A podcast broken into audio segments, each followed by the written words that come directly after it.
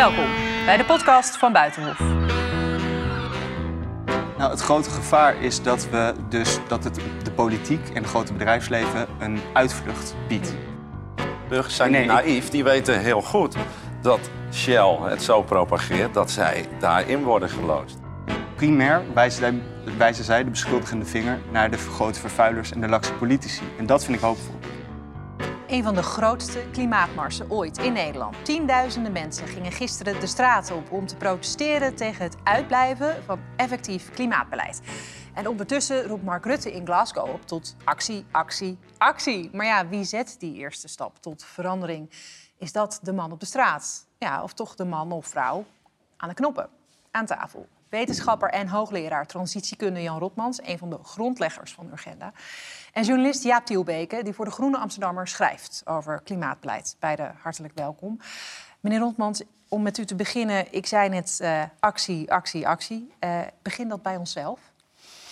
Ja, eh, je hebt persoonlijke verandering en systeemverandering en die hangen nauw samen.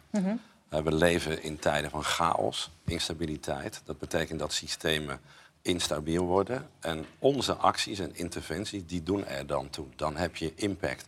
Bijvoorbeeld zo'n klimaatrechtszaak, hè, die agenda begon... was 10, 15 jaar geleden tamelijk kansloos geweest. Iedereen zei dat heeft geen zin. Inmiddels zijn er honderden van dergelijke rechtszaken over de hele wereld. Ja. Dus het indirecte effect van ons handelen is vaak groter dan het directe effect. En het indirecte effect zie je op systeemniveau terug. Het is een misverstand om dat tegen elkaar eh, af te zetten. Het een beïnvloedt het ander en het ander beïnvloedt het een. Ja. Ehm, meneer Tielbeke, u schreef een boek eh, dat heet... Een beter milieu begint niet bij jezelf. Dus hoe kijkt u daarnaar? Ja, nou, misschien moet ik direct maar even een misverstand eh, weghalen. Om meneer Rotmans ook eh, gerust te stellen. Het is natuurlijk geen pleidooi om maar rustig achterover te leunen... en goedkope va- vakantievluchten te blijven boeken, biefstuk te blijven eten. En eh, dan moeten de politici en het bedrijfsleven het maar oplossen. Mijn eh, pleidooi is veel meer dat we in actie moeten komen... niet alleen als consument, maar vooral ook als burger. Precies zoals die tienduizenden mensen gisteren op de Dam deden. En die titel was natuurlijk een knipoog naar die Postbus 51-campagne uit de jaren 90... waar ik als kind mee werd doodgegooid. Het probleem daarmee is dat die ons aanspreekt als individuele consument. Het wordt gehamerd op individuele gedragsverandering. En ik denk dat daar een enorme valkuil in schuilt, omdat we onszelf daarmee ehm, tekort doen. Hè? Het, het, het, ja, het ontkent eigenlijk de vraag, of het laat eigenlijk de ware verantwoordelijke buiten schot. We weten, nou, we weten bijvoorbeeld dat er honderd bedrijven zijn die verantwoordelijk zijn voor meer dan 70% van de wereldwijde broeikasemissies sinds 1988. En dat zijn natuurlijk ook grote oliemaatschappijen. En het is geen toeval dat die grote oliemaatschappijen actief dat narratief van een beter milieu begint bij jezelf, de bal bij de consument leggen, hebben gepromoot. BP, Britse oliemaatschappij, heeft het idee van een ecologische voetafdruk, een persoonlijke ecologische voetafdruk, gepopulariseerd. Met het idee, kijk eerst nou maar eens naar jezelf voordat je bij ons eh, met de vinger naar ons wijst. Shell idem dito. Die verschuilen zich heel lang achter het argument... ja, wij volgen de samenleving. Dus de samenleving moet eerst in actie komen... eh, dan komen wij pas in actie.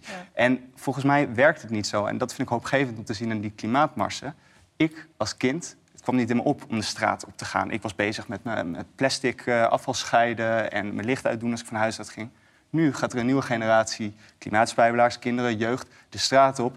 En natuurlijk zullen die ook in hun persoonlijke leven dingen doen. Maar zij, primair wijzen zij, wijzen zij de beschuldigende vinger naar de grote vervuilers en de lakse politici. En dat vind ik hoopvol. Ja, ik, ik, ik hoor wat je zegt, maar ik zie het toch iets anders. Hè? Het is iets te eenvoudig gesteld. Kijk, de druk die wij op de Shells van deze wereld kunnen uitoefenen... niet voor niks hè, is er nu ook weer een rechtszaak tegen Shell... is veel groter dan wij op voorhand veronderstellen. Kijk, als je de klimaattransitie wil aanpakken... heb je ruwweg drie opties. Politiek, via beleid. Eh, je hebt het bedrijfsleven met concrete acties. En wij zelf. En sociale normen spelen een onderschatte rol. Hoe werkt dat? Hoe werkt het met die sociale normen? Nou, voorbeeld. Als we hier 40 jaar geleden hadden gezeten, hadden we gerookt. Dus roken was stoer, en sociaal en gezellig. Nu niet meer. Als je nu rookt, ben je toch een beetje een sukkel. Want je beschadigt je eigen gezondheid. Iedereen denkt dat komt door overheidsingrijpen. Maar dat is niet waar. Eerst stopte een kleine groep, omdat ze lazen dat het schadelijk was.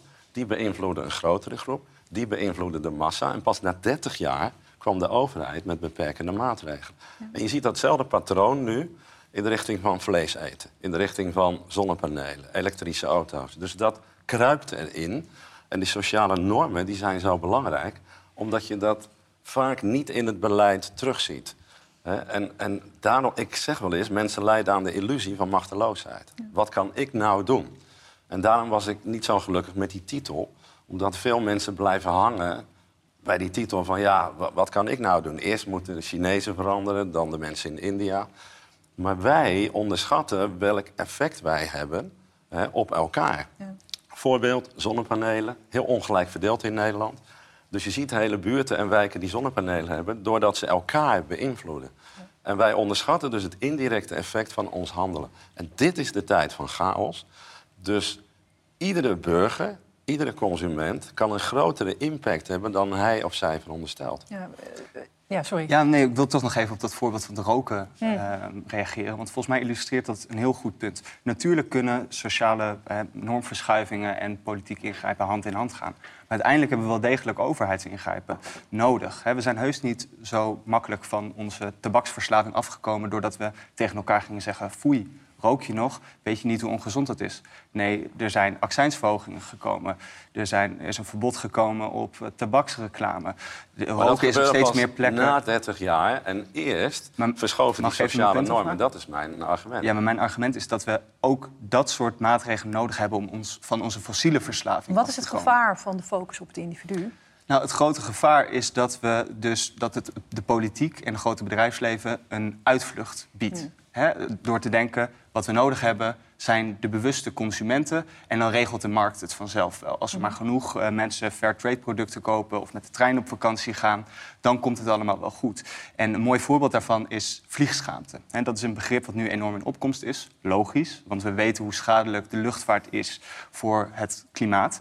Ehm, en dus praten we elkaar vliegschaamte aan. Maar ondertussen blijft de luchtvaart groeien. Hoe komt dat? Dat komt doordat een treinticket naar Londen of Berlijn nog altijd duurder is dan een vliegticket.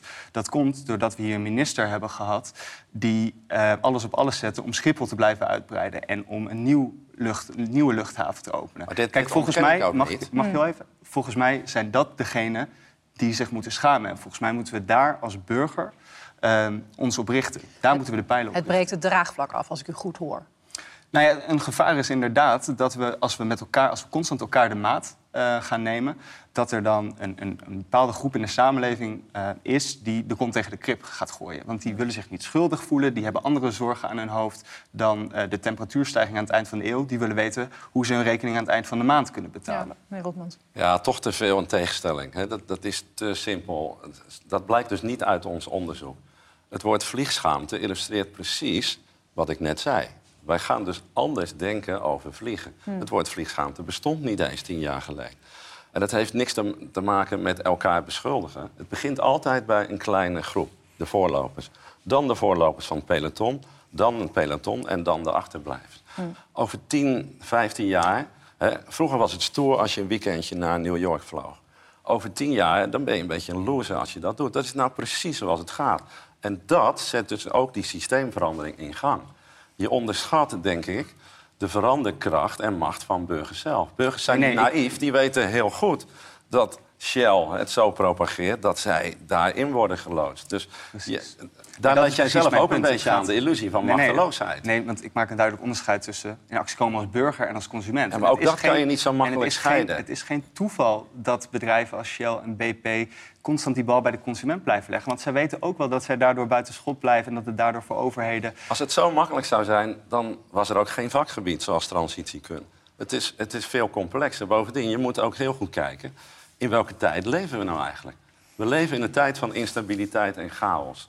En dat is een andere tijd dan 20 jaar geleden.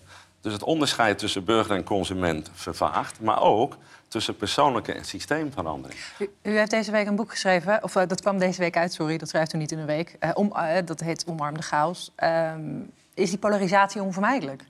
Ja, die zal nog toenemen de komende jaren, dat verwacht ik ook. Want in tijden van chaos merken we de pijn die transities doen. Kijk, en de politiek die wil dan een budgetneutrale transitie. Nou, ik heb zoveel transities onderzocht. Ik, ik heb nog nooit een budgetneutrale transitie gezien. En dat komt omdat het eerst heel veel investeringen vergt. En pas later levert het heel veel op. Hè? Betere gezondheid, geluk, uh, werkgelegenheid, innovatie. Dus die investeringen of kosten die gaan voor de baat uit. Nou, iedereen voelt nu de pijn. Hè? En, en wij liggen onder het vergrootglas. Want wereldwijd vraagt men zich af hoe gaat Nederland dit oplossen. Ja. Als je kijkt naar de wereldrisicokaart en je kijkt naar Europa, is er één land wat rood staat in Europa: Nederland. Ja.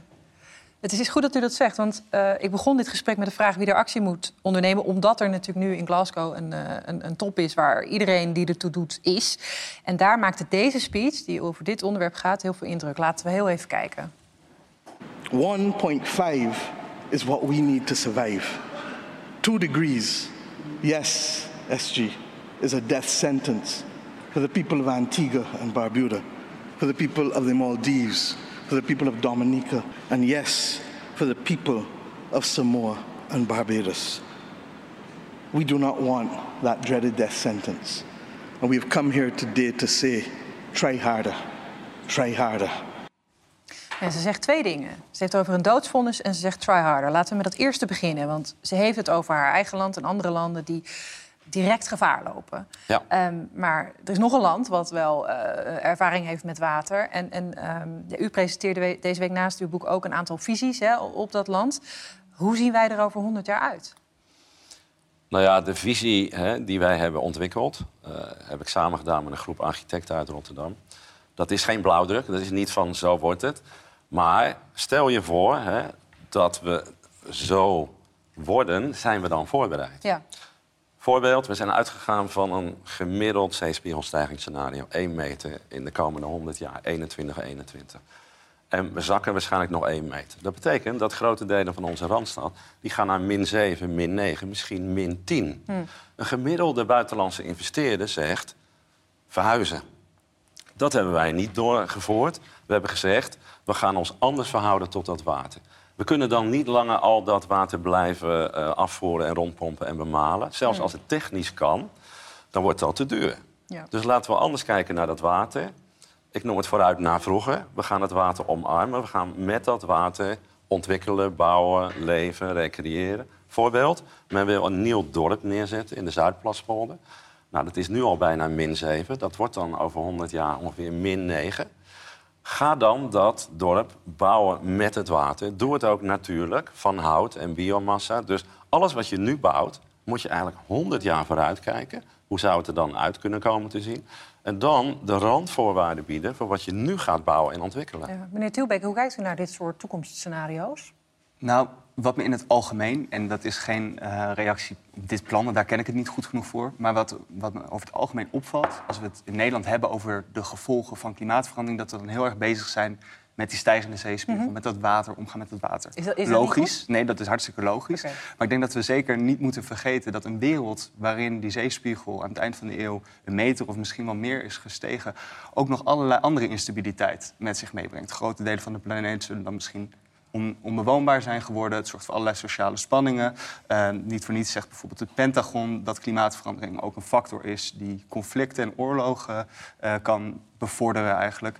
Uh, dus dit is maar één klein aspect van de wereld die we tegemoet gaan. Dus ik zou zeggen, dat is het type chaos dat we volgens mij absoluut niet moeten omarmen, maar uit kosten wat het kost moeten proberen te vermijden door op korte termijn die CO2-uitstoot naar beneden te brengen. Ja. We begonnen net met een speech van uh, premier van uh, Barbados. En ze zei ook try harder. En Mark Rutte zei actie, actie, actie. Maar hij onderschreef het plan van overheden en instellingen om zich eind volgend jaar terug te trekken uit fossiele investeringen. Dat, dat onderschreef hij niet. waarom niet? Nou, omdat Nederland, denk ik, het officiële argument is dat dit kabinet demissionair is. Maar bijvoorbeeld bij coronamaatregelen hebben ze daar een stuk minder moeite mee. Ik denk dat het er ook mee te maken heeft dat Nederland grote financiële belangen daarin heeft. Door middel van garantstellingen voor dat soort fossiele investeringen. Kijk, het is natuurlijk frappant om te zien hoe Rutte zich op het internationale toneel eh, presenteert. Dat is nogal een flink contrast met hoe hij zich in Nederland opstelt en vooral wat hij in daden eh, laat zien. Ja. En ja, dat is toch dat, dat, dat is inderdaad de reden waarom die tienduizenden gisteren samenkwamen. Ik zag veel bordjes met actie, actie, actie, ook Ja. direct aan Mark Rutte gericht. En eh, ja, ik hoop dat hij naar zijn eigen woorden luistert. Ja, meneer Rotmans, houdt u hoop, ondanks... Ja, ja, ik Deze. heb ook een heel hoopvol boek geschreven. Ja. Hè, en het gaat trouwens over de hele wereld. Hè. Ik heb alleen het voorbeeld van tien Nederland. transities in, hè? Er staan Ja. tien transities in. En het klimaatprobleem is inderdaad een sociaal verdelingsvraagstuk. Ja. Dus daar ligt ook in het boek het accent op. Maar dit illustreert precies hè, wat ik bedoel. Eh, dit, het ontbreekt aan politieke wil. Mm. Hè, dus Rutte zegt wel actie, actie, actie. Maar hij mengt het niet. Hij bedoelt wat anders. Namelijk, als het er echt om spant, dan doet hij niet mee. En dan met het argument, we zijn demissionair. Ja, waarom ga je daar dan naartoe? Ja. Dus dat is echt falend leiderschap. En dat is één van de oorzaken waarom wij in Nederland het zo slecht doen. Ja. We staan bijna onderaan in Nederland wat betreft de verduurzaming, wat betreft de verduurzaming in Europa. Dus wat mij betreft, toen ik hiermee begon, toen zei ik al, de politiek zal waarschijnlijk als laatste omgaan met die systeemverandering. Maar u blijft hoopvol, uiteindelijk gaan ze om. Uiteindelijk gaan ze om, vooral Juist. dankzij de druk die wij direct en indirect als burgers uitoefenen. Mag ik jullie allebei ontzettend bedanken voor jullie komst naar Buitenhof. Graag gedaan.